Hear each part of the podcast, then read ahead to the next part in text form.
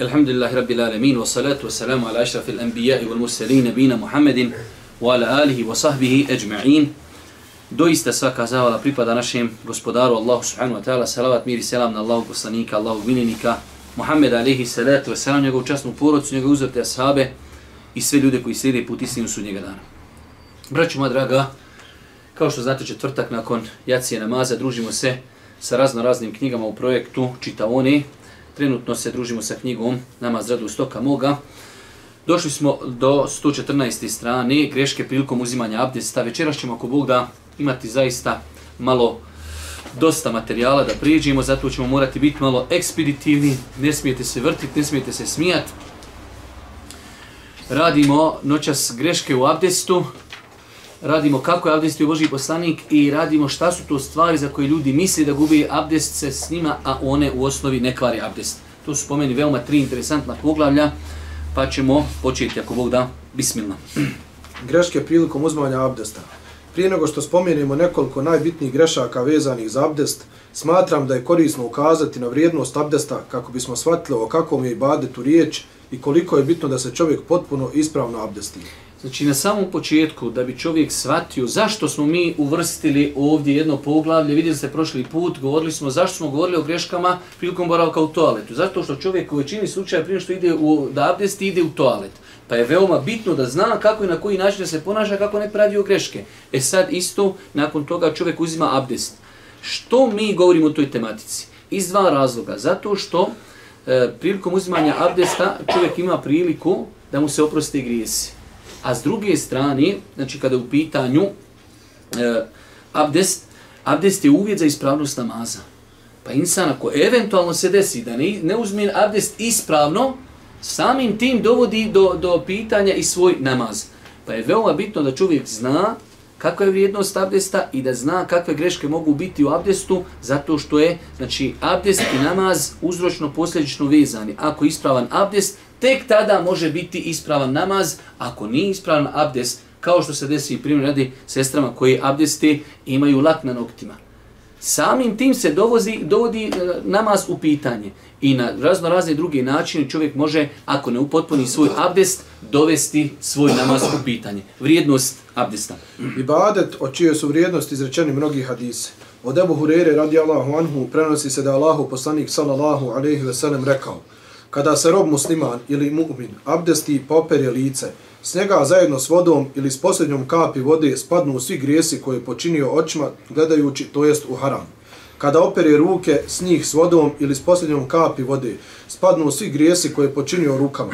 Kada opere noge s njih s vodom ili s posljednjom kapi vode, spadnu svi grijesi koje je počinio nogama, to jest koračajući ka grijehu, tako da nakon abdesta izađe čist od grijeha. Svakako, braću moja mi smo dosta puta o tome govorili. E, vi znate da imate u vjerodostojnim predajima da, kod, da je Allah poslanik dodao jednu klauzulu i već tuni betel kebair. I već tuni betil kebair. Kada se govori o tome da određenim dijelom mi možemo pobrisati svoje grijehe, misli se na mali grijehe. Jer je došlo u vjerodostojnim predajima, ako se izuzmu veliki grijesi, pa znači islamski učenjaci dijeli grijehe u dvije kategorije. Imamo velike grijehe i mali grijehe. Veliki grijeh, postoji mnogo definicija šta je veliki grijeh, ali možda jedna najsveobuhvatnija definicija jeste tu je grijeh za koji postoji dunjalučka kazna. Ili ahiretska kazna, ili ahiretska prijetnja, ili je počinio sto grijeha proklijet u hadisma Božih poslanika.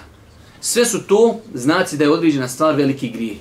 Mimo toga su mali grijesi da bi se oprostio čovjeku veliki grijeh, treba da se pokaje pokajanjem koji svi znamo, ako je grijeh između insana i gospodara sa tri uvjeta, ako je između insana i drugih Allahovi robova, treba da se ispuni četiri uvjeta. Kad su u pitanju mali grijesi, mi imamo u toku dana mnogo, mnogo verzija i načina da se e, nama mali grijesi oprosti. Pa putem abdesta, putem namaza, džuma do džumi, ramazan do ramazana, post dana refata i tako dalje, postoji mnogo znači varijanti u osnovi Allah Đelšanu kaže u Kur'anu innel hasenati yudhibne sejiat. Doista dobra djela brišu loša djela. Ali se misli na mali grijehe. Dok veliki grijesi da bi bili oprošteni, Mora čovjek za njih da se pokaje i ovo je veoma bitno da zna se, jer dosta puta neko uzme ovakav neki hadis i evo ga, abdestiši, paša, nakon toga nema više grijeha nikakvi. Odeš u diskoteku cijelu noć, alkohol, rakija, droga, sve živo, kaže sad samo još abdestim i mu, ode u džennet pravo. E, nije tako, neispravno satan. Dalje. Uvjet za ispravnost namaza. Od Ebu Hurere radi Allahu anhu prenosi se da je Allahu poslanik sallallahu alaihi ve sellem rekao uzvišeni Allah neće primiti namaz nekog od vas koji je izgubio abdest sve dok ga ne uzme ponovo. La yakbalu Allahu salata ahadikum idha ahdatha hatta yatawadda. Neće Allah primiti namaz nekom od vas ko nije pod abdestom, što? Dokad? Sve dok nek abdesti. Pa su namaz i abdest, znači vezani uzročno posljedičnom vezom. Dakle, Dakle, vjernik i vjernica trebali bi se potruditi da upotpune abdest zato što im od toga zavisi validnost namaza te čuvat se i grešaka kojim abdest mogu dovesti u pitanje, a samim time i validnost namaza. Zatim ćemo spomenuti nekoliko grešaka vezanih za abdest uz napomenu da one nisu na istom stepenu. Za neke se može reći da su novotarije, za neke da umanjuju nagradu abdesta, a neke mogu uzrakovati njegovu neispravnost, a potom i neispravnost namaza. Ovo je veoma bitno isto da shvatimo kada neko uzme čitati, ja sam to ciljano morao non stop eh, napominjati kako ljudi pročitat jednu grešku, će, ovo je greška samim tim i iz toga proizilazi da je abdest neispravan. Ne, znači nekada je greška samo novotarija, ali je abdest takav ispravan. Nekada umanjuje nagradu, a nekada može greška biti da je abdest zbog takve greške neispravan. Pa je veoma bitno da čovjek kada shvati da je nešto greška, a dobro da znamo kako se ta greška i manifestuje. Da li zbog te greške ćemo proglasiti abdest neispravni ili ne? Primjer, radi učenja abdestnih dova. Mi zato kažemo da je to novotarija. Ali čovjek koji uči abdestnih dova, njegov abdest je ispravan. Pa je veoma bitno da čovjek nakon što shvati da je nešto greška, da zna koliko ta greška može utjecati na namaz. Prva stvar. Izgovaranje nijeta na glas. Dio ljudi prilikom uzmanja abdesta izgovara nijet na glas. Takav postupak je neutemeljen i smatra se novotarijom. Allahu poslanik sallallahu alejhi ve sellem, njegovi ashabi te prve tri najbolje generacije nisu to učinili. To je dovoljno da se to djelo proglasi neutemeljenim i novotarijom. Kazao Ibnul Kajim, poslanik sallallahu alejhi ve sellem, nije govorio na početku abdesta, nije tim odstranjivanje pravne nečistoće, niti želim se spremiti za namaz. To nije govorio on, niti bilo kod njegovih ashaba. O tome se ne prenosi od poslanika sallallahu alejhi ve sellem jedno slovo, ni s vjerodostojnim lance prenoslaca, niti sa slabim mjesto nijeta je srce i nema potrebe da se izgovara na glas. Ovo sve što smo rekli sad, sam se može uzeti copy paste i staviti se na nijet u namazu. Znači samo izmijeniti gore naslovi, to je to. Kao što Boži poslanik, niti ashabi, niti tabiini, znači niti oni koji su došli nakon njih, nisu nijetili abdest, isto tako nisu nijetili ni namaz. I o tome ne postoji od Božih poslanika, ali se ratu sam, ni apokrifan, ni daif, ni, ni neki vjerodostojen hadis. Dobro, idemo dalje učenje abdesnih dova. Mm -hmm. Prilikom abdesta i pranja svakog dijela tijela, neki uče posebne dove. U praksi Allahovog poslanika, salallahu alaihi ve sellem, ne nalazimo dokaz za to. To je također uvedena stvar u vjeri i nema utemeljenja u Kur'anu ni sunnetu Allahovog poslanika. Ljudi nisu svjesni da uvođenjem takvih stvari mogu i sebi i drugima napraviti veliku poteškoću, iako imaju dobru namjeru. Zamislite kako je insanu koji se želi podučiti namazu kad mu neko spomenje učenje abdesnih dova na arapskom jeziku. Zamislite čovjek je došao, tek hoće da primi islam. I vi mu kažete, dobro, najbitnija stvar je si rekao la ilaha illa jesam. Ok. Prva stvar u islamu najbitnija je namaz. Ok. E, prije namaza trebaš abdest. Ok. Ali imaš u abdestu abdesne dove. Dobro, morali to kako na bosanskom, jok paša na arapskom. Pa teško, to, to vam je isti onaj primjer sa sunnećenjem kad čovjek, imate ljudi, to je tako, jednostavno iz njih viri neki razno razne čudesa sa šta li su Allah zna. Čovjek dok hoće primiti izlake, ali znaš šta je, dok primiš islam moraš se osunnetiti. Pusti ga Allah te uputio i sunneći da se ne osunneti nije sporno islamu. Ne, ne, ne, ne, ne, moraš se odmah prvi čovjek. Suneti, pa, pa čovjek u 35-40 godina, pa se počne skuplja, pa stezat, ja rap, pa doktoru, pa, pa hoće li bolit, pa neće. Ma ne bi ja ni primao islam, pa nemoj, nemoj, nemoj, ako primiš, morat ćeš se suneti. Alo, pusti čovjeka. Tako i ove dove, taman kad bi rekli da su propisane, a nisu. Znači, zato, braćo moja draga, uvijek se vjera ne vaga ni po razumu ovog ni onog vjera ima svoje temelje, Kur'an i Sunnet. Bez obzira koliko insan bio pronicljiv, koliko bio bogobojazan, ne može on dokučiti mudrost koju, hajde da kažemo, propisuje uzvišeni Allah subhanahu wa ta'ala. Pa vidite, ja vjerujem da ljudi koji su te dove, hajde da kažemo, uveli, da su oni imali lijepu namjeru. I ti, značenje ti dova je generalno lijepo. Ali ti nekada želiš lijepu stvar, ali ne razmišljaš da ona sa sobom nosi neke negativne posljedice. Zato je rješenje šta? Čuli smo i pokorajmo se. Vjerodostojen hadis, kuranski ajet i to je za nas vjera. Pa znači, da vidimo šta kaže Ibnul Qayyim. Rekao Ibnul Qayyim, nije preneseno da poslanik sallallahu alejhi ve sellem učio na početku abdesta nešto mimo bismile i svi hadisi o tome da je izgovarao nešto mimo toga laž su na njega. Allahu poslanik sallallahu alejhi ve sellem ništa od toga nije rekao niti je umet podučio tome. Od njega je potvrđeno samo izgovaranje bismile na početku abdesta. Isto tako riječi ešhedu en la ilaha illallahu wa enne Muhammeden abdullahi wa rasuluhu. Allahumma dja'alni mine tawabine wa dja'alni mine mutatahirin na kraju abdesta. Znači tu je sve što ima preneseno vjerodostojnim hadisima od Božijeg poslanika. Na početku se kaže bismillah i čak oko te bismile postoji jako razilaženje, ispravno inšala čovjek i da zaboravi, abdest mu je ispravan. I ovo na kraju dovu da ne rekne, znači sav abdest, on je praktičan. Da ništa ne rekne, on naš abdest ispravan i nije preneseno od Božijeg poslanika ali se ratu sram, ništa ništa mimo bismile i dove na kraju abdesta. E sad ćemo vidjeti, to je ono što sam dosta puta pokušavao pojasniti kad Allah Žešanu kaže u Kur'anu el jeume ekmeltu lekum dinekum. Vjera je kao puna čaša vodi. I ti kad ubaciš novotariju, šta će se desiti? Mora čiste vode izići iz čaši, jer je vjera puna. E sad, ja kad sam uveo ove, ove dove koji nisu propisane, e sad ću ja istisnuti one dove koji nisu ispravne. Pa ljudi ne uče bisminu na početku, ni uče na kraju onu dovu za koju je tolika velika nagrada obećana. A uči nešto što nije propisano. E, to je znači primjer kada dođe novotarija u vjeru, ona iz ibadeta, iz, iz islama izbaci nešto što je potvrđeno. E, broj 3, potpuno suprotna greška od ovih koji smo spomenuli. Ostavljanje propisanih dova prije i nakon abdesta. Ova greška potpuno je suprotna od prethodnih. Ovdje želimo spomenuti da je mnogo muslimana koji se abdesti, možda i uče abdesti dove prilikom pranja svakog organa, a za koje smo konstatovali da nemaju utemeljene, a ne uče one dove koje su zabilježene od Allahov poslanika, salallahu alihi veselim. Okay. Pod A, lijepo je početi abdest bismilom. Od Ebu Hurere radi Allahu anhu prenosi se da Allahu poslanik, salallahu alihi veselim, rekao, nema namaza ko nema abdesta, niti ima abdesta ko ne spomeni Allahu ime, to jest bismillah pri uzmanju abdesta vidite ovdje, kaže, nema abdesta onome ko ne rekne bismillah. U arapskom, znači, u osnovi kada se kaže nema nečega, to je negiranje postojanja. Pa da li ova bismillah negira postojanje abdesta? Ne negira, jer se abdest može uzeti, imate hadise u Buhari i Muslim, da je poslanik, da je poslanik ali se radi sam abdest ju nije rekao bismillah, pa nije preneseno u tim hadisima. Tako da, e, idemo, druga stepenca je to je, ako je već došla ovakva negacija u hadisu, nema abdesta, onome ko ne rekne bismillah, misli se, nema savršenog i potpunog abdesta. Što znači?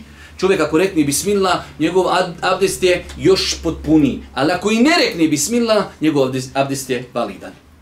Ovo je veoma bitno da zapamtimo. Znači, kada je u pitanju abdest, e, ako reknemo bismillah, naš abdest je samo još malo potpuni. Ali ako ne reknemo, pogotovo i zaborava, pogotovo i zaborava, ali čovjek i svjesno kad bi preskočio bismilu, inšala, njegov abdest je e, validan, ali svakako čovjek bi, e, ne bi trebao svjesno preskoči, ali ako se desilo i zaborava, definitivno njegov abdest je ispravan. E, dobro, e, možemo ovdje, nakon što čovjek potpuno Nakon što se čovjek potpuno očisti u potpuni abdest, prouče dovu koju je proučio Allahu poslanik sallallahu alejhi ve sellem i za čije učenje obećao veliku nagradu. Ko se od vas abdesti, pa abdestu potpuni, a zatim izgovori Ešhedu en la ilaha illallahu wa enne Muhammeden abdullahi wa rasuluhu. Svjedočim da nema drugog Boga osim Allaha i da je Muhammed njegov rob i njegov poslanik. Biće mu otvoreno osam dženeckih vrata da uđe na koja hoće. Šta piše ovdje? Hadis bilježi muslim. Pričali smo neku noć događaj za ovaj hadis da je čovjek iz Kufe i Basri otišao u Meku pa u Medinu pa se opet vratio u Kufu i kaže kad sve je išao da bi provjerio ovaj hadis i nije ga mogao provjeriti jer nije znao za ovaj lanac kojeg je zabilježio ima muslim, kaže da znam da je ovaj vredostan hadis bilo bi draži nego cijeli dunjaluk. Jedan veliki muhaddis, e, znači iz generacije tabiina, i umro je misliš da je ovaj hadis daif, a njega bilježi ima muslim. Pa je znači ovo velika nagrada, čovjek nakon abdesta kaže šedun la ilaha illa wa šedun muhammeden abdullahi wa rasuluh. Ha, kratko, jasno. Ko to kaže, rekni, bit će im otvorena osmera džennetska vrata, uđi na koja hoćeš. Ima dodatak kod imama Tirmidije, Allahume džalni mine tawabine, u džalni mine mutatahirin, nema ništa smetničak, šta lijepo je da čovjek i doda taj dodatak na kraju, znači kad čovjek abdesti na početku se rekne bismillah, abdesti se, ništa se u toku više ne uči abdesta, nakon toga išhedu en la ilaha illa, wa išhedu enne Muhammeden abdullahi wa rasuluh, Allahume džalni mine tawabine, u džalni mine mutatahirin. Broj četiri smatrati pokuđenim razgovor tokom uzmanja abdesta. Mm -hmm. Neki muslimani smatraju zabranjenim ili pokuđenim razgovor tokom uzmanja abdesta. Tako ćemo vidjeti da su srditi ako ih neko nešto pita dok se abdesti. U vjerskim izvorima sigurno nećemo naći niti jedan vjerodostan hadis koji potvrđuje da je Allahu poslanik zabranio govor tokom uzmanja abdesta i ga barem smatrao pokuđenim. A s druge strane razgovarao bi tokom uzmanja abdesta kad bi zatim imao potrebu. Mm -hmm. Od Mugire ibn Šube radi Allahu anhu prenosi se da je rekao Bio sam sa Allahovim poslanikom, sallallahu alejhi ve sellem, na putovanju, pa sam se sagnuo da mu skine mesto te je kazao, pusti moje mesto, obo sam ih pod abdestom, potom je potrao po njima. Čuo se dešava razgovor između Mugire ibn Šu'be i Božije poslanika u toku abdesta. Mugire ibn Šu'be je polivao Božije poslaniku da abdesti. Pa kada je došlo vrijeme, znači e, toliko je abdestio, došlo da opere noge, ali bile su umestve na nogama. Pa je Mugira iz poštovanja prema Božijem poslaniku sagio se da skine i mestem. Pa kaže Božiji poslanik, da'huma fa inni adhartuhuma tahiratejni. Ostavi, ne diraj. Ja sam mestve obuku dok sam bio pod abdestom, pa je potru po njima. Znači, između njega i Mughire ibn Šube razgovor se vodi u toku kad? U toku abdesta. Tako da je ispravno, inša Allah, imamo vamo poslije odgovor Šiha Usejmina, da inša Allah bisnila nije pokuđeno uh, razgovarati toku abdesta ako čovjek ima za tim uh, potrebu. Ako nema definitivno da čovjek u bilo kojem ibadetu treba se više koncentrisati na ibadet, ali ako ima znači čovjek potrebu da progovori, da ga neko, znači čovjek abdesti, neko tu gospodine, gdje je toalet, da mu ka, ili koliko je sati, ili znači nema ništa, inshallah sporno u tome da čovjek u toku abdesta e, porazgovara, znači sa nekim ako ima zatim potrebu. Broj 5.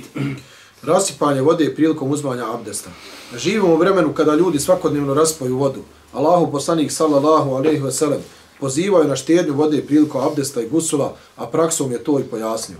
U vjerodostojnim predajama stoji da, je, da se poslanik sallallahu alejhi ve sellem abdestio iz posude u kojoj može stati jedna pregršt vode, a kupam se iz posude veličine četiri pregršti, to je, to jest jednog saha vidite, znači generalno danas ovo što ljudi žive u stanovima, u kućama, e, ova prekomjerna rasipanja vode, vjerujte da je to generalno znači u islamu pokuđeno.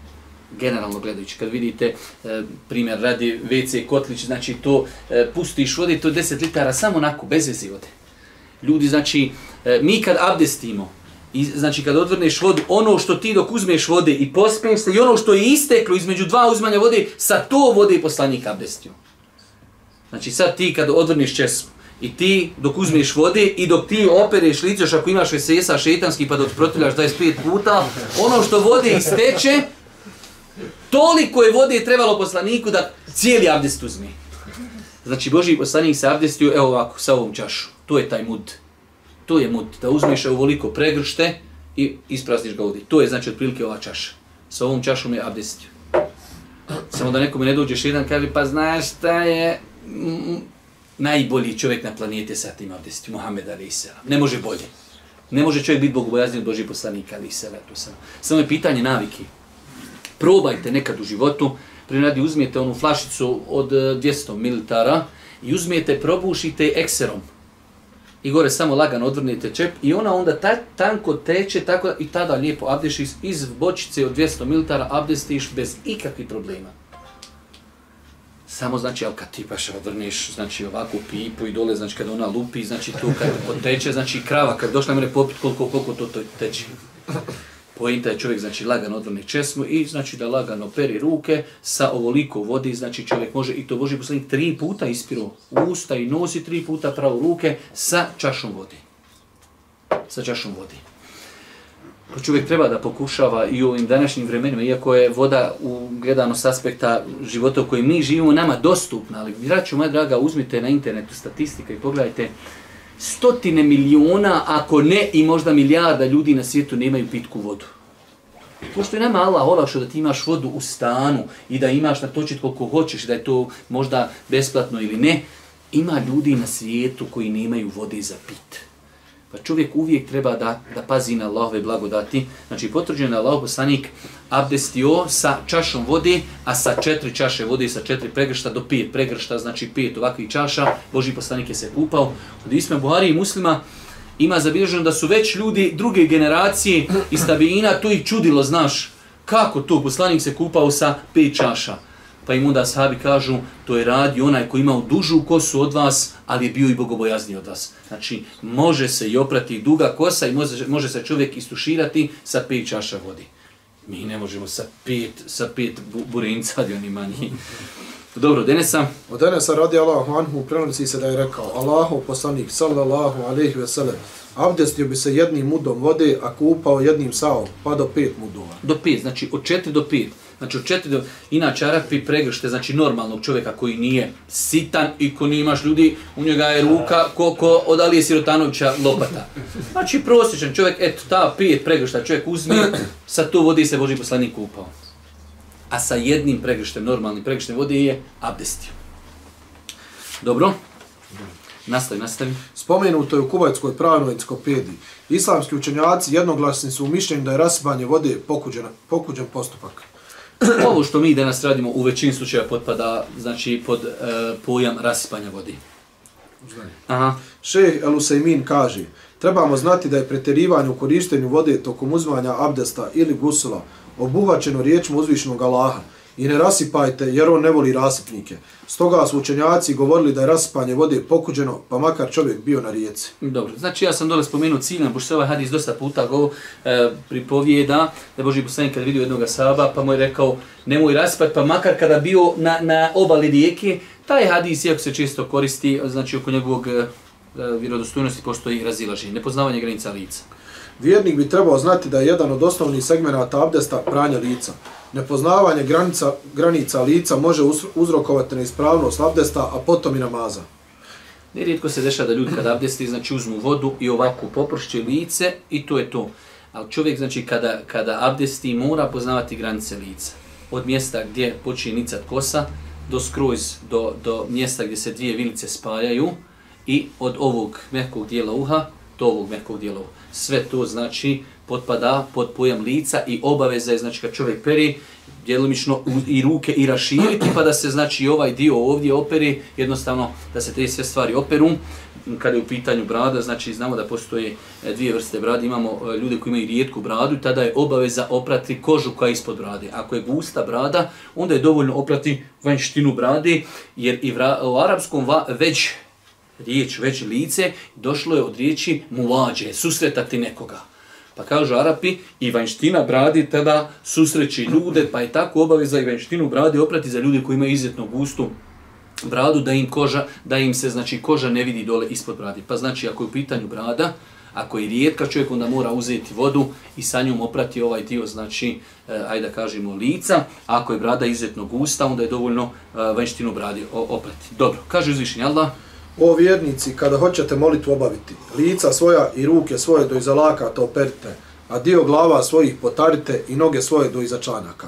Mm -hmm. Dio lica koji se treba oprati precizno je definisan u knjigama islamskih učenjaka, pa nepoznavanje toga može uzrokovati nepotpun, nepotputnost rukna osnovnog dijela abdesta, a potom i neispravnost abdesta.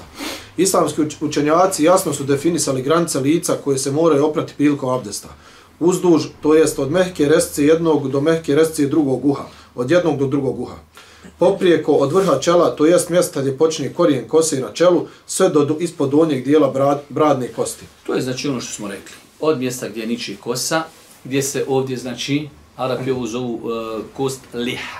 Znači lahjej, gdje se spajaju dvije kosti, e tu se znači dotli se sve mora oprati prilikom abdesta. Dobro, broj, broj sedam. Izostavljanje pranja šaka prilikom pranja ruku koje slijedi nakon pranja lica. Mm -hmm. Pranje ruku do iza lakata koje slijedi nakon pranja lica osnovni je dio abdesta. Zato vjernik treba dobro paziti da ono bude potpuno kako ne bi dovodio validnost abdesta u pitanje. Jedna od grešaka koji mnogi čine kada nakon lica počnu prati ruke jest da ih peru od šaka do iza lakata izostavljajući šake. Vidite ovdje, evo ovaj kuranski ajet, ja ga nisam ovdje ponavljao, ali kuranski ajet u suri El Maide, o vjernici, kada hoćete molitvu obaviti, lica svoja i ruke svoje da iza to perte. Ovo su četiri stvari u Koranu spomenute koji su temeljni stvari abdesta. Lica svoja, ruke svoje, potarite po glavama i noge. Ovo su temelji.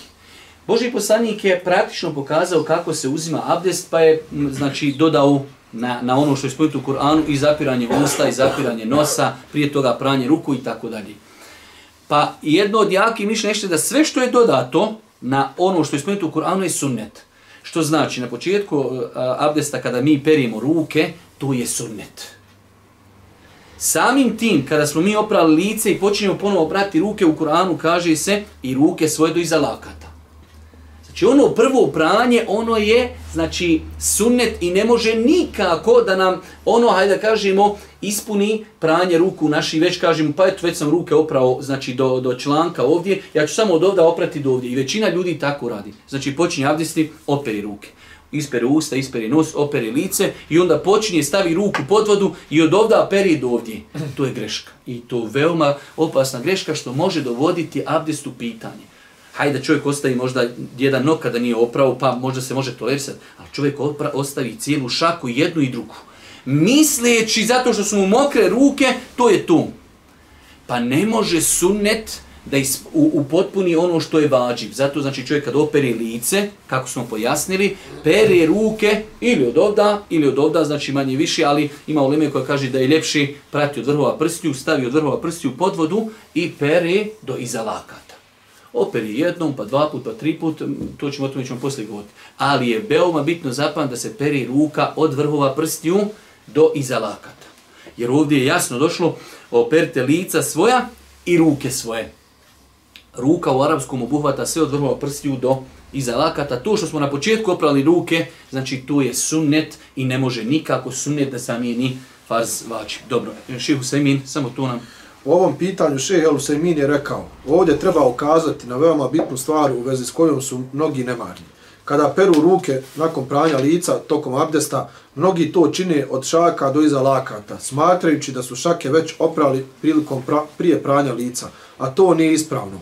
Obaveza je nakon pranja lica oprati ruke od vrhova prstiju pa sve do iza lakata. Ja sam se namjerno i ciljano trudio da kada god govorimo o nekoj, hajde kajmo, škakljivoj stvari, da citiramo govor nekog islamskog učenjaka, da se jednostavno vidi da to što mi e, prezentujemo i govorimo da to nije nešto novo, da to nikad niko nije rekao. Pa vidimo da šehu Semin baš jasno kaže ne može se pranje ruku na početku abdesta nadomjestiti znači na ovo pranje ruku, već se moraju ruke oprati potpuno. Izostavljanje pranje lakata. Čitajući knjige islamskih pravnika, možemo vidjeti da su vodili velike diskusije o tome je li prilikom pranja ruku do iza lakata tokom abdesta obavezno oprati i laktove ili ne. Tačno je, Allah najbolje zna da naredba pranja ruku spomenuta u riječima uzvišenog o vjernici kad hoćete molitu obaviti, lica svoja i ruke svoje do iza lakata operite, a dio glava svojih potarite i noge svoje do iza članaka. Obuhata cijelu ruku od urhova prstiju sve do iza lakata. Vidite, mi to na, na bosanskom prevodimo operite ruke do iza lakata, mi u jednu ruku prevodimo to već po preferirajućem mišljenju. U arapskom a, kaže se وَغْسِلُوا أَيْدِيَكُمْ إِلَى الْمَرَافِقُ operite ruke do lakata. Bukvalno rečeno do lakata. E sada nastoje, to je što vam prošli put govorili, razilaženje islamskih učenjaka. Svako od njih ima svoj neki dokaz, pa su jedni rekli, operite ruke do laktu, doješ do lakta i staniš. A drugi su opet rekli, operite do laktu, a kada se kaže do, onda to obuhvata i lakat. Pogotovo što u praksi Božijeg poslanika je pojašnjeno da se treba lakat posebno oprati dodatno. Ali, možda kažem, ipak postoji razilaženje, tačno je mišljenje, inšala, da je obaveza oprati lakat. I čovjek treba da pazi. Šta se dešava? Greška je zimus kad ljudi dođe ovako, eh, ovako, zagrne rukav i peri. Gotovo. On nemoguće da opere, opere znači, rukav, eh, da, da opere lakat. Zato čovjek kad zimu sabdesti, znači mora odjeću dobro, dobro zagrnt i onda da može voda doći, znači tu negdje do iza lakta. I to je ta jedna opasna greška, ajde ljeti, znači nosi se neke kraće majice, dok zimu, kad su u pitanju džemperi, čovjek potegne možda tu negdje do lata, ali ma da ne bi smokrio džemper i tu tako. Znači, veoma je bitno da čovjek zna kada se peru ruke, imamo jednu grešku da treba oprati i vrhove prstiju, imamo drugu grešku da treba znači uzeti vode i oprati lakat i to je inšala potpuno pranje ruku. Dobro, e, broj 9. Kontinuirano izostavljanje potiranja po cijeloj glavi. Dobro. Neki ljudi tokom uzmanja abdesta cijeli život potiru samo dio glavi. Poznato je da je mnogo islamskih da je mnogo učenjaka koji smatraju da je dovoljno potrat samo dio glave da bi abdest bio validan i taj stav zastupali su učenjaci Hanefijske pravne škole. Ali i oni su sami spomenuli da je praksa Allahovog poslanika bila potiranje cijele glave i da se kontinuirano ostavljanje tog suneta smatra greškom. Šta sad opet imamo, kaže, Wamsahu bi ruusikum bi slovo b u arapskom ima svojih značenja više. Pa se ulema razišla šta znači ovdje potarite po svojim glavama zbog ovog slova b bi. Na osnovu toga su se oni razišli pa su neki rekli dovoljno je potrati samo četvrtinu glavi, neko trećinu, neko polovinu i tako dalje da vas sad time ne umoramo. Allah najbolje zna, ispravno je da je obaveza potrati cijelu glavu. To ćemo, to je ispravno mišljenje. Ali da se mi spustimo na nivo Pogotovo kada je hanefijski meze u pitanju, oni su smatrali da, se, da je dovoljno da čovjek potari samo dio glavi i da je njegov avdes ispravan. Ok, pošto je to mezeb, ima svoj dokaz, mi to prihvatamo. Ali sam mezeb hanefijski, kada kaže da je dozvoljeno potirati samo dio glavi, kažu sunnet, praksa poslanika za bilježnu Buhari i muslimu jeste da se potrije cijela glava. To je jedna stvar. I oni sami kažu to je sunnet. Dobro, minimalno možeš potrati dio glavi, ali je sunnet cijelu glavu. To je jedna stvar. Druga stvar, i oni kažu, vidjet ćete poslije, veoma žesto govor da nije dobro uvijek kontinuirano potreti samo dio glavi. Ja znam ljudi koji možda 50 godina potiru samo dio glavi. On tu je u suprotnosti sa nefijskim mesebom. I ovdje nam dolazi, vraću moj jedan lijep savjet, bez imalo da da čovjek ono, hajde da kažemo, vrijeđa nekoga. Vidjeli ste prošli put kad su kad Ebu Hanifu pitaju, a kaže šta ako nađemo, kaže da je tvoj određen govor u koliziji sa Kur'anom i Sunnetom, odbijte moj govor, uzmite to. Mi imamo hadis u Buhari muslimu i to koliko hadisa Boži poslanik kada opisuju kako je hadisu, kaže stavio bi ruke na čelo, tu na potiljak, otišao bi skroz do kraja i vratio bi. O tome imate desetine hadisa koji govori kako je potirao. Ok, Imamo jedan hadis kada je Boži poslanik imao turban na glavi i virila mu je tu malo kosa i on je to potro i protro i po, i po turbanu. Hajde je samo to potro, ok. Već potro je to pa je potro po turbanu. I na osnovu tog hadisa kažu može se samo dio glavi potrati. Ok, evo, može. Ali zašto da uzmemo hadis koji je dvosmislen, a ostavimo hadis koji je toliko jasan ko dan, da je Boži poslanik potirao cijelu glavu, odlazivši do potiljka i vraćajući se. I to hadisu Buhari i Muslimu. Pa kad god dođete u situaciju nevezano, znači da li je neki mezev smatrao nešto, ali ako imam jasan hadis u Buhari i Muslimu, da je Boži poslanik nešto prakticirao, zašto da to ja ne prakticiram? Pa se čovjek treba odgajati tako poštujem meze, poštujem njihov stav, poštujem njihovo viđenje tog pitanja. Ali zašto? Šta je problem da ja slijedim sunnet koji je 100% potvrđen? Generalno imate pravilo kada imate hadis koji je dvosmislen. I imate hadis koji je e, jasan, daje se prednost onom jasnom hadisu nad nejasnom hadisu. To je jedan od načina spajanja hadisa koji su kontradiktorni, da se radi po onome koji je jasan, u odnosu nad onaj koji je nedvosmislen. Sjećate se prošli put kad smo govorili klanjajte kod Benu Kureizi. Došlo je do razilaženja jer su te riječi Božih poslanika šta? Dvosmislene. Ali na što ćemo se mi vratiti? Mi se vraćamo na temelj i Kindija je nastupila, mora se klanjati. Nema nikakvog razilaženja, znači da u Kur'anu, u sunetu Božih poslanika i Kindija tada nastupa, mora se klanjati do akšama. Ako nam je poslanik izrekao hadis koji dvosmislen, šta ćemo? Idemo, vraćamo se na osnovu koja nam je sigurno čvrsta. Pa nam Boži poslanik rekao, klanjajte, odnosno nemojte klanjati osim kod Benu Kureizi. Dobro, jedni kažu, time želio da požurimo. Drugi kažu, ne.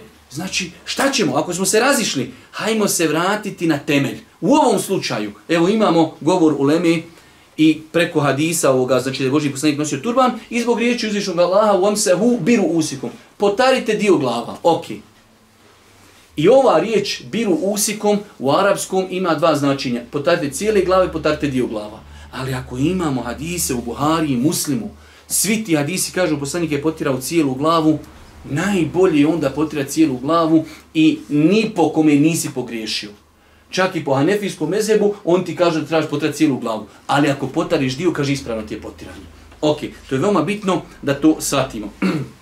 U sunnetu Allahog poslanika, U sunnetu Allahov poslanika sallallahu alaihi ve sellem jasno se ukazuje na to da je on prilikom uzmanja abdesta potirao cijelu glavu. U podužim hadisu u kojem se opisuje abdest Allahov poslanika sallallahu alaihi ve sellem kaže se potom je potirao po glavi pomjerajući šake naprijed i nazad. Počeo od čela pa je potirući glavu rukama otišao do potiljka, a potom vratio ruke do mjesta odakle je počeo, to jest od čela. evo vidimo, ovo je hadis 223, hadis bilježi Buharija i Muslim. Jasan hadis kaže, otišao bi od čela skroz do kraja i to je dovoljno. Ali bi poslanik i vraćao. Znači, tako da e, ovaj hadis je definitivno jasan u pogledu potiran. Da vidimo, kaže, govoreći o sunetima, Govoreći o sunetima abdesta u hanefijskom mesebu, Ibn Mazi al-Marginani kazao je Sunet je da se prilikom potiranja obuhati cijela glava. sunnet. Znači, oni sami tvrde, Hanefijski, da je to sunnet. I vidite šta znači kad ljude podučavaš i ne pojasniš im jasno. Kod nas kad se uči u startu abdest, potari dio glavi. Ne. Potari cijelu glavu, ali da potariš nekad u životu dio glavi, ispravno ti je. Pogledajte koliko je razlika. Razlika je ljude vezivati za sunnet. Pa kažeš ljudima kada ju u startu podučaješ, po, trebate potrati cijelu glavu. Ali ako potarite dio glavi, vaše potranje je validno. A ne da uradimo da ljude pod potire se dio glavi i to je to. To je, vjerujte, pogrešno, po, pogrešan način podučavanja. Dobro, e, ovdje imamo nekoliko, e, hajde da kažemo, e, citata iz Hanefijskog meseba, neki učenjaci Hanefijskog, Neki učenjaci Hanefijske pravne škole smatrali su da je grešan onaj ko u kontinuitetu ostavlja potiranje cijele glave, kao što je slučaj s mnogim našim sunarodnjacima. znači smatraju da je čovjek griješan ako čitav život samo potiri po jedan dio, jedan dio glavi. To je šta stav Hanefijskog mjesta. Evo imamo ovdje, znači govor iz Haši ibn Abidina. On je malo, malo, pošto u Haši ibn Abidina imate znači e, jednu knjigu koja je metm, pa onda ima tu komentar, pa ima i on dole svoje opaske. Malo je to komplikovano, ali hajde pokušaj pročitati pa ćemo vidjeti. Ibn Abidin je rekao, i potrati cijelu glavu jedan put, obuhvatajući je, pa ako bi kontinuirano ostavlja ovaj sunet, bio bi grešan. Znači, Ibn Abidin ovdje kaže da je sunnet potrati glavu jednom, obuhvatajući. Ako bi kontinuirano ostavljao ovaj sunnet, bio bi grešan. To je konstatacija, znači čovjek ako kontinuirano po hanefijskom mesebu ostavlja potiranje cijele glavi, on je po ovom stavu grešan. Na, njegove riječi, Njegove riječi obuhvatajući je, pojašnjavaju da je to sunet kao što je ustvrdio u Al-Fethu, a potom prenio citat iz Al-Kine u kojem se navodi da bi bio grešan onaj ko bi bez validnog razloga kontinuirano ostavio potiranje cijele glavi. Rekao je kao da je to zbog njegovog izbjegavanja suneta. Allahu ekber. Kao da je to, kaže, iz razloga što izbjega iz sunnet, jer je jasno u Buhari muslim potvrđeno da on, da čovjek, da čovjek, da je Boži poslanik potirao cijelu glavu, tako bi čovjek trebao da potiri. Pogledajte koliko su oni pazili na sunnet, čak su proglasili čovjeka griješnim ako ostavi sunnet Božijeg poslanika, alihi salatu wasalam. E, izostavljanje pranja, Izostavanje pranja peta prilikom pranja nogu. Od vremena poslanika, salallahu alihi veselem, do danas postoje ljudi koji tokom uzmanja abdesta ne peru pete. Pranje nogu, kao što buhata pranje cijelog stopala sve do iza članaka, jedan je od osnovnih dijelova abdesta bez čijeg upotpunjenja nije validan. Znači, isto kao što ima razilaženje kod učenjaka kad se kaže i operite ruke do iza lakata, isto tako je i za članke nožni. Tačno je, inša da se članci moraju oprati. Ali imamo slučaj kad čovjek peri nogu i stavi je po česmu i peri, a donji dio, znači pete, ostaje suh. Pa čovjek treba da pazi, da uzme vode i da znači operi petu. I vidjet ćemo da je to već od vremena Božih poslanika prisutno, a i danas ljudi to e, znači isto radi. Od Abdullaha, Od Abdullaha ibn Amra radi Allahu anhu prenosi se da je rekao Bili smo na povratku iz Mekije ka Medini, pa smo se zaustavili na mjestu s vodom i ljudi su požurili da se abdeste kako bi klanjali kindiju. Abdestili su se žureći, a mi smo došli do njih. Vidjevši da su im pete suhe i da ih nije dotakla voda, Allahu poslanik sallallahu alejhi ve sellem rekao je: Teško petama od vatri i upotpunite abdest. dobro, Poznati hanefijski učenjak Bedruljin Alajni kaže teško petama od vatri, prijetnja koja se ne može shvatiti osim ako izostavlja neki farz pri abdestu, a to obavezuje na sveobuhatno pranje nogu. Znači, Boži poslanik, pazite, ja sam se čak u jedno vrijeme zapitivo kako se to može kod nas kada je bijela koža, i ako čovjek ne hoda bos, nisu noge malo zapiljane prašnom, ne možeš primijetiti. Kad čovjek sad opro ma- dio noge, ne vidiš ti e, gdje je suho, gdje nije, ali čovjek koji hoda pješici i malo kad su mu crne noge i kad ima na toj prašini. Ako ne operi, onda se zaista to lako vidi. Jer sam ja to, ajde da kajmo u arapskom svijetu mogao primijeti.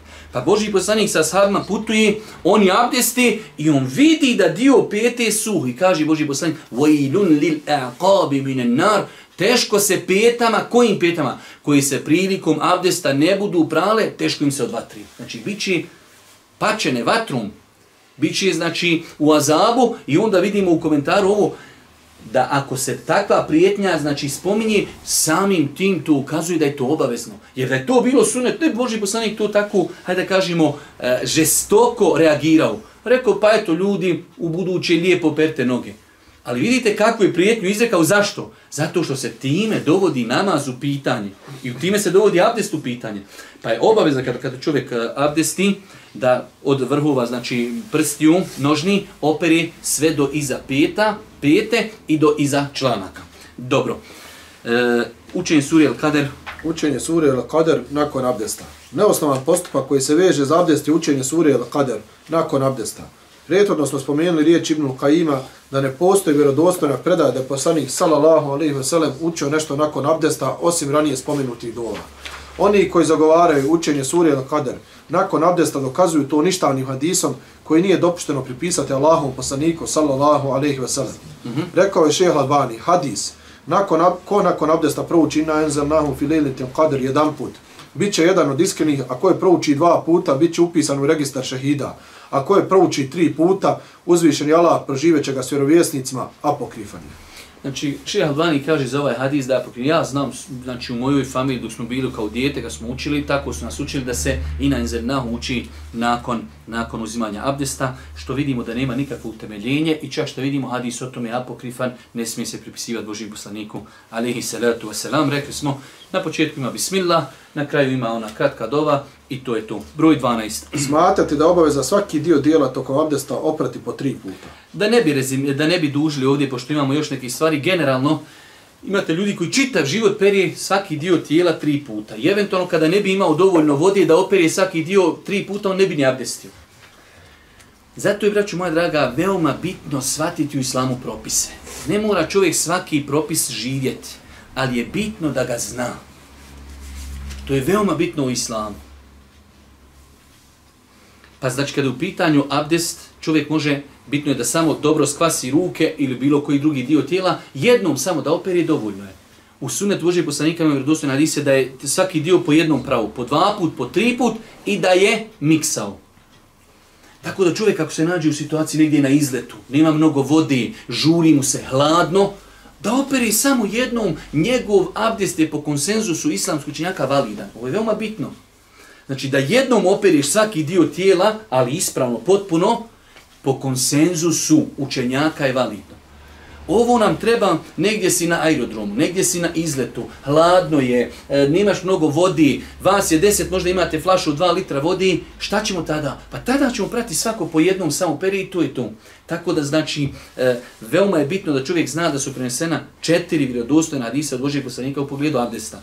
Da je pravo svaki dio tijela po jednom, po dva put, po tri put i da je miksao. Svakako ovo se sve odnosi osim na glavu glava se uvijek potiri jednom. Iako Ši Safet u svojoj knjizi navodi e, neke predaje, da imaju, znači, ima učenjaka koji su kazali da se glava može i više puta potati, ali Allah najbolji zna, znači čovjek, znači kad se govori pranje jednom, dva put, tri put, to se ne odnosi na glavu.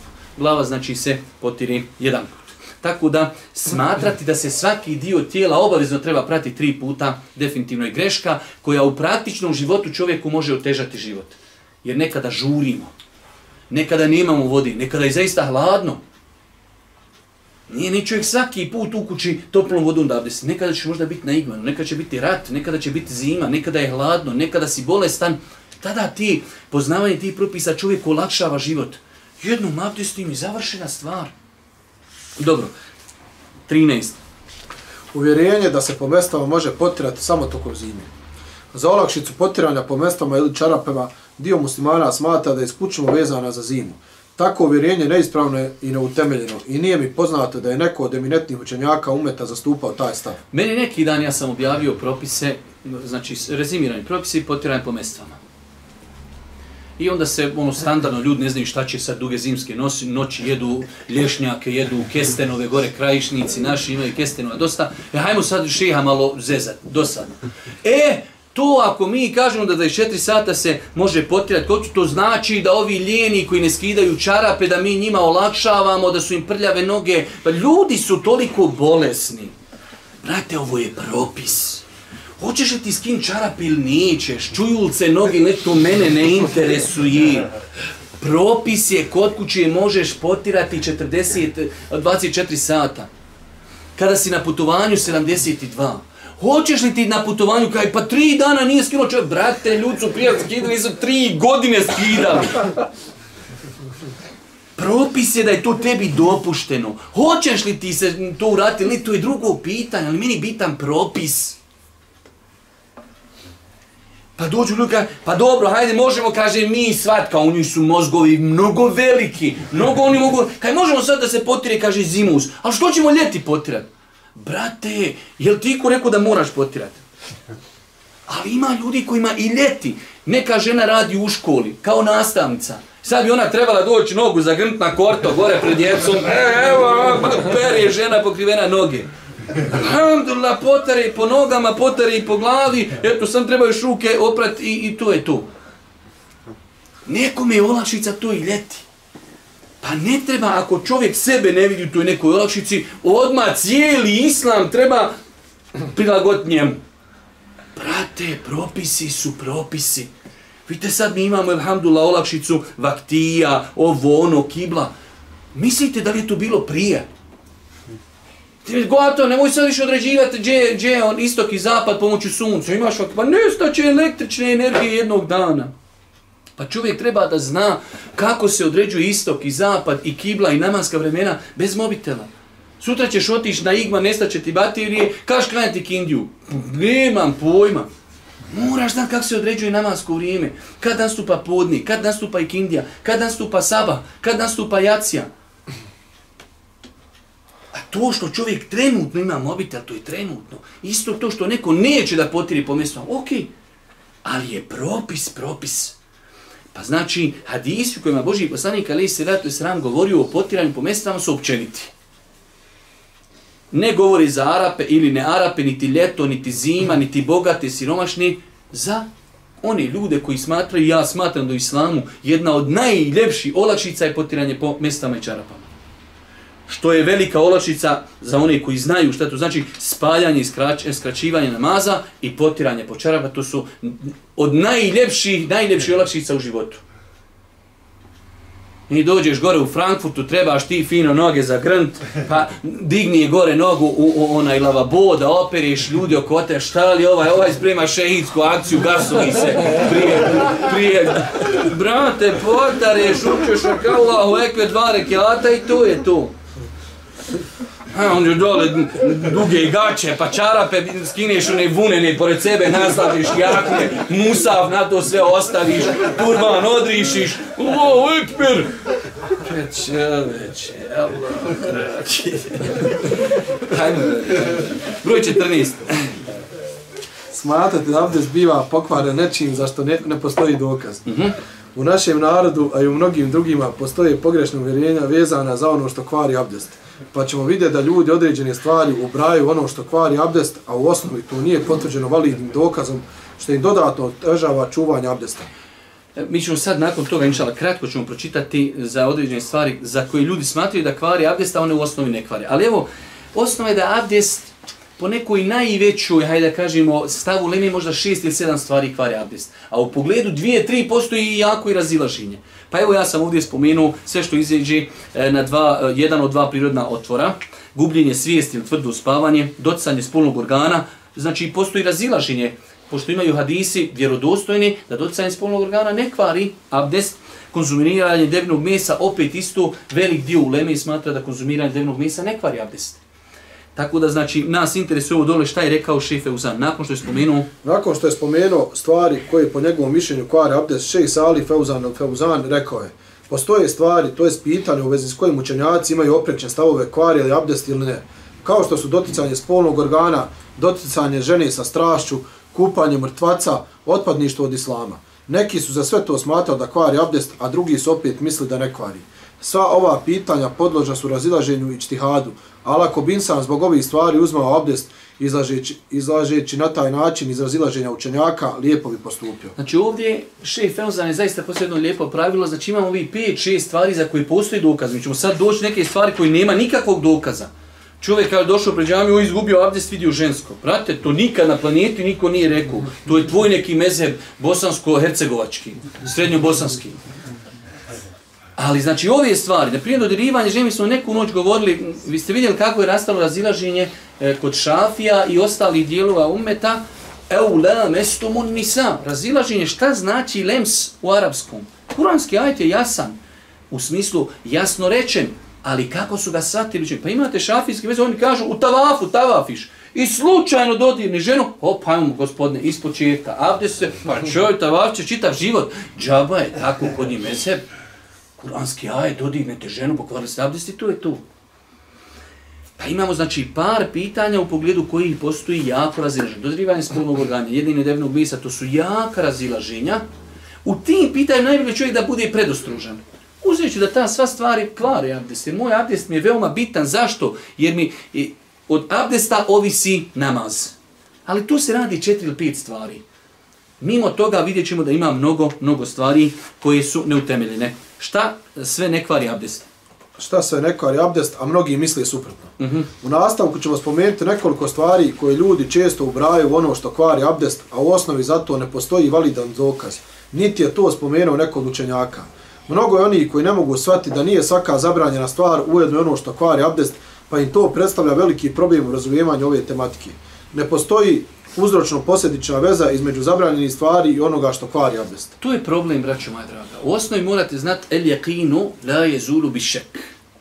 Imamo jakin, imamo ubjeđenje, ja sam uzeo abdest. Ne mogu poništiti neči abdest osim da zato imam dokaz. To što se to meni nešto ne sviđa, ovo, ono, to je druga stvar. Ali u islamu veliko jedno šerijetsko pravilo el jakinu la yazulu bi šek jekin i ubjeđenje ne može biti potisnuto sumnjom. Ja sam uzao abdest na ispravan način. Da bi mi neko rekao tvoj abdest je neispravan, mora donijeti validan dokaz. To zapamte danas veliko pravilo u islamu. Kada uzmem abdest, ako će mi neko ustvrdi da sam izgubio abdest, mora imati za to dokaz. E sada šta imamo problem? Imate određene stvari da ljudi određenu stvar koja je haram, Samim tim što je ona haram, oni misle, ako je to haram, samim tim to kvari abdest. Što nema nikakve veze. Jedno je da nešto kvari abdest, a jedno je čovjek uradi određen haram. Primjer radi, e, čak je to kroz historiju u Lemi pravilo problem ako se dobro te stvari ne razjasni. Imate meziva koji kažu ako čovjek klanja u kradenoj odjeći, kad namaz mu neispravno. Što je neispravno? Šta ima veze kakva je tvoja odjeća ukradena ili nije? Meni je u namazu naređeno da pokrijem avrete. Svakako sam ja, ako sam, ne daj Bože, ukrao majicu, ja sam griješan što sam ukrao, ali to nima vezi s namazom. Čak Ambelijski mjezer kaže, ako klanjaš na ukradenoj zemlji uzurpiran, namaz ti opet neispravan. Tačno je da je namaz ispravan, a ti ćeš posebno odgovarati na sudnjem što se uzurpira u zemlju. Ali namaz i uzurpirana zemlja i namaz, uzurpirana odjeća, nemaju nikakve zajedničke vezi. Isti vam je slučaj i sa nama, eh, abdestom. Imate ljudi koji miješaju babe i žabe i pomčiće i lončiće, haram i abdest. Brate, uzeo si abdest, da bi rekao nekom da mu je neispravan abdest, moraš zato imati validan dokaz. Hajmo neke stvari, znači samo onako bez veliki, veliki detaljsanja. Da bismo, aha, da bismo za određenu stvar rekli da kvari abdest, moramo zato imati jak, jasan dokaz iz Kur'ana ili Suneta. Pod jedan, vulgaran govor kao i psovke, osim onih za koje su učenjaci rekli da su dijelo koje izvodi iz vjeri, ne kvari abdest. Međutim, to ne znači da je dozvoljeno izgovarati vulgarne riječi i psovati. Vidite, ja sam non stop ovo moj, jer sad će ti dođe, eh, evo ga, Pežić je rekao, od sutra sujem ko koćjaš. Nisam rekao baš da psuješ. Ali sam kažem, ako čovjek nešto i opsuje, nisi izgubio abdest.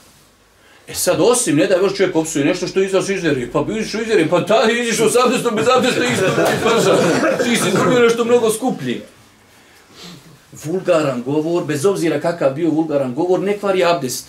Ali to ne znači da je to ispravno. Samo nama je bitno da razgraničimo da to ne kvari abdest. Dalje. Dodirivanje nečistoće i nekvari abdest. Osoba koja dotakne nečistoću treba je ukloniti prije nego što počne s namazom, ali samo doticanje nečistoće i nekvari abdest. Či čovjek abdestio I desi mu se šta ja znam da jednostavno na ulici nešto dino što je zaista nečisto. nečaset. Nije izgubio tim abdest. Šta treba? Otići oprat ruke i završena stvar. Tamo da je isprljao odjeću.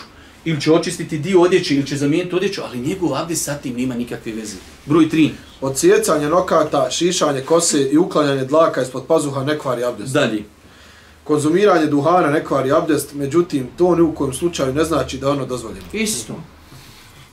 Konzumiranje duhana ne kvari abdest. Svakako danas ako ima čovjek koji zna sračunati 1 minus 1, da, da, da onaj duhan šteti i da je duhan haram, to znači ne možemo mi to pojašnjavati.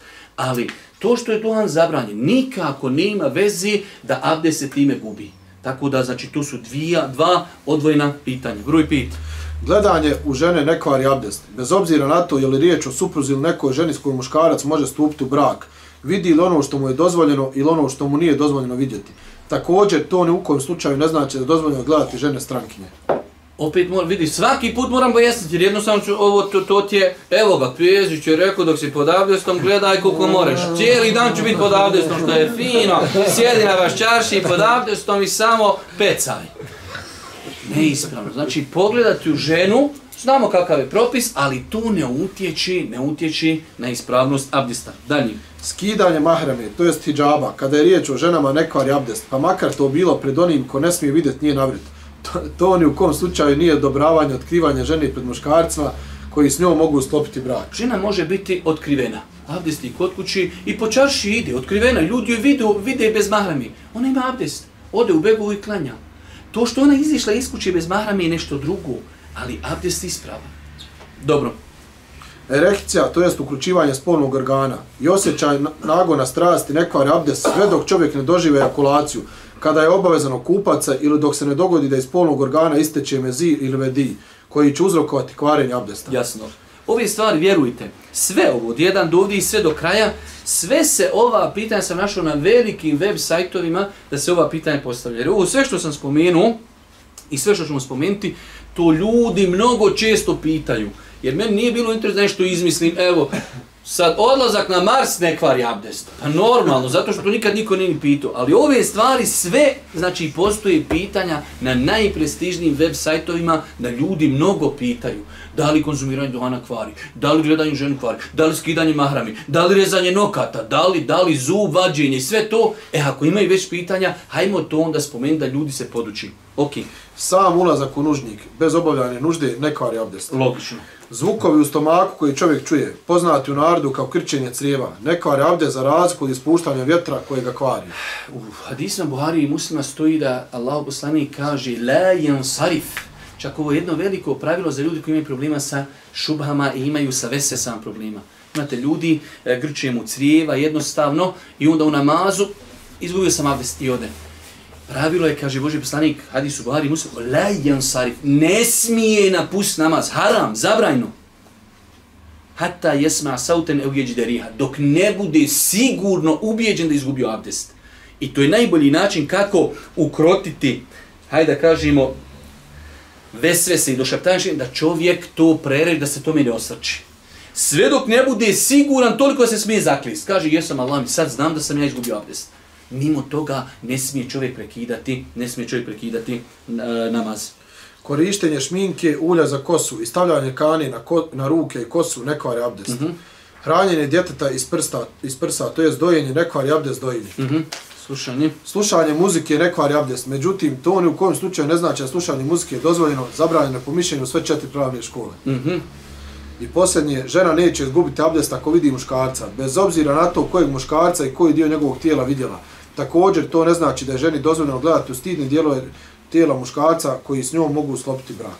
Ovo su neke stvari koje sam ja znači našao po velikim web sajtovima gdje ljudi u Lemi postavljaju pitanja, pa sam smatrao da je to korisno. Za kraj, inša Allah, osam tamam neki e, pet minuta, samo da pročitamo, nakon što smo, rekli smo, ćemo svaki put nakon poglavlja, kada spomenemo greške, spomenuti šta je u svemu tome i najispravnije. Pa ćemo samo kratko pročitati kako je Boži poslanik Ali se letu selam abdestio. Nakon ukazivanja na neke najbitnije greške vezane za abdest, smatram korisnim da napišemo kako se abdestio Allahu poslanik sallallahu alaihi ve sellem. Pod jedan, imati namjeru u srcu da abdestom želi postići pravu čistoću kako bi mogao činiti ibadete za čiju se validnost uvjetuje abdest kao što je namaz. Znači prva stvar, to je ono što naš narod dosta puta buni, taj nijet. Jednostavna stvar, čovjek čuje ezan ili prije ezana pogleda na sad 10 do 12. Idem da abdestim. Šta je? Šta, šta ja hoću abdestom? Hoću da postanem čist da bi mogao klanjati. Gotovo, to je završena stvar. Nije ti je toliko jednostavan, samo su ga ljudi sebi otežali. Nije malo djete upite krine abdest, gdje ćeš ti? Pa hoću da abdestim. Šta ćeš abdestom? Hoću da klanjam. To je završeno. Čovjek je prenio ono što mu se nalazi u srcu. Gdje ćeš? Hoću da abdestim. Što ćeš da abdestiš? Hoću da klanjam namaz. Pa ta pravna čistoća, znači fikska pravna čistoća, abdest. Nema potrebe, znači čovjek da izgovara jezikom ništa, samo krenu 10 do 1, a trebam abdest. Sam taj početak, to je namjera šta želim. Želim da budem čist, jer ne mogu ići u džamiju da klanjam bez abdesta. To je dovoljno. Dobro, broj 2. Izgovoriti bismillah. Znači samo se kaže bismillah. Ništa. Znači čovjek krenuje da abdesti, bismillah i počinje da abdesti. Dobro. Broj 3. Oprati šake do zlobova. Okrati, oprati šake do zglobova, rekli smo, e, to je sunet Božih poslanika i ne utiče na validnost abdesta. Tako da bi čovjek uzeo vodu i odmah počeo ispirati usta i nos, njegov abdest je validan. Broj 4. Isprati nos i usta. To se čini desnom rukom. Nos se ispirije tako što se desnom rukom donese voda do nosa, potom ušmrkivanjem uvuče u nos, a zatim lijevom rukom isekne i izbaci napolje. Usta se ispiru tako da se voda desnom rukom donese do usta, potom se promučka pa izbaci. Imamo, rekli smo, dva načina kako se, ona i o tome smo više puta govorili, znači desnom rukom, pošto je desna ruka čista i obavlja se sa njom čiste stvari, uzimamo vodu, uzimamo dio vode za usta, pola znači vode, ušmrkujemo u nos, išli, iseknemo vodu nosem, e, iz nosa lijevom rukom, promučkamo vodu u ustima i isplinimo. To ponovimo tri, putu, tri puta, možemo jednom ili dva puta. Drugi pit. Oprati lice, pazeći da se opere cijelo lice s prijetodno spomenutim granicama. Uzduž od vrha čela, početka mjesta gdje niče kosa, pa sve do dna lica. Do ispod bradne kosti, a poprečno od jednog do drugog uha. Znači, nakon što smo oprali ruke, isprali usta, isprali nos, perimo lice u onim granicama koje smo pojasnili. O, pod šest, oprati ruke, desnu, potom lijevu, od vrha prstiju sve do iza lakata, pazeći da se opere cijel lakat. Ovdje ima ova mala opaska, oprati ruke desnu pa lijevu. Ako bi čovjek opravo lijevu pa desnu, njegov abdest je ispravan po konsenzusu učenjaka. Ali od suneta se prvo peri desna pa lijeva. Ali ako opravo čovjek zaboravi nešto i prvo operi lijevu pa desnu ruku, nima potrebe ništa da ponavlja ili nešto, nastavlja dalje, njegov abdest je validan. Dalje. Pod sedam, potrati mokrim rukama cijelu glavu jedan put, počevši od prednjeg dijela glave sve do potiljka, a potom vrati ruke na mjesto odakle je počelo potiranje. Potom će potrati uši, kaže prstima unutrašnji, a palčema vanjski dio. Rekli smo, od sunneta da čovjek znači mokre ruke, potari kosu, znači od početka do potiljka, vrati i nakon toga potari uši da znači ove kaži prste stavi unutra sa njima unutarnji dio, a palčima vanjski dio uši. Dobro. Pod osam, oprati stopala do iza članaka, pazeći da ne ostane nešto što nije obuhvaćeno pranjem, kao što su pete ili prostor između prstiju. Prostor između prstiju je veoma bitno napomenuti, pogotovo, na primjer, ako insan malo deblji ili imate ljudi jednostavno tako je stvoren, znači da su mu prsti poprilično spojeni onda je veoma bitno da čovjek kada pere prste, znači pazi, znači da li će malim prstom ili na bilo koji drugi način da raširi malo prste kako bi voda prošla do između prstiju, a rekli smo za pete već, znači da bi čovjek trebao da pazi da operi pete i da operi članke. Po devet, proučiti dovu nakon abdesta. Ešhedu en la ilaha illallahu wa enne Muhammeden abdullahi wa rasuluhu. Allahumme ja'alni mine tawabine wa ja'alni mine al-mutatahirin. E, to su dove. Imamo na početku bismillah, na kraju ovu kratku dovu. Uh -huh. Po deset, obaveza je paziti na redoslijed radnji prilikom uzmanja abdesta. Ne može čovjek doći i kaže nešto žurim, pa ja ću prvo noge, pa ću obu cipele, pa ću onda... Ne, znači ovako kako smo spomenuli, prvo se peru šake, pa, pa se pere e, usta, nos, pa lice, pa ruke, potiri glava, nakon toga noge i to je redoslijed koji je spomenut u Kur'anu i mora znači da se tako, da bi namaz bio, e, odnosno da bi abdest bio validan, mora se po redoslijedu uzeti. Ne treba praviti pauze toliko da se dio koji smo prethodno prali osuši prije nego što završimo s pranjem sljedećeg. Pauze u abdestu mogu da budu kratke. Znači čovjek prije radi abdesti oprave ruke ili oprave lice i ruke i sad treba potati ko su neko zvoni na telefon. Hitno mu je se, čovjek može kratko se javi, kaže samo e, čujemo se abdestim za minut i završena stvar. Ali ako bi odužio razgovor 5, 7, 10 minuta i poslije dođe, osušle se ruke, osušlo se lice, onda, onda znači čovjek treba ponoviti ono što je već prijetodno bio opravan. Početi s početka. Svaki dio tijela najviše se može oprati po tri puta, osim glave koja se potire samo jedan put. Prošli put smo govorili koliko, znači može jedan, može dva, može tri, ali ne smije više od tri. Imaju jasni hadisi, Boži poslanik jasno zabranio pranje više od tri puta bilo kojeg dijela, e, znači kada se abdesti, a rekli smo za glavu, Allah najbolje zna da se treba potreti samo jednom, s tim što bi čovjek ako je potrao dva ili tri puta, inša nije napravio nikakav prekršaj. U pranju ruku i nogu predno se daje desnoj strani. Ako bi se prvo oprala lijeva, abdest je validan, s tim što je izostavljen sunet davanja prednosti desnoj strani. Već smo pojasnili, I posljednje, pokuđeno je rasipati vodu. Kada čovjek abdesti, treba da se, pa i u današnje vrijeme, trudi da prilikom abdesta što što manje vode koristi. I ovo kad kod na, mi kad šparamo danas vodu to je opet za, za, za znači sunet Božijeg poslanika i njegove preporuke opet je to raspanje vodi molim Allah subhanahu wa ta'ala da nas poduči propisima vjeri molim ga subhanahu wa ta'ala da nam bude milostiv na sudnjem danu. Na kraju subhanaka Allahumma wa bihamdika ashhadu an la ilaha illa anta astaghfiruke wa atubu ilaik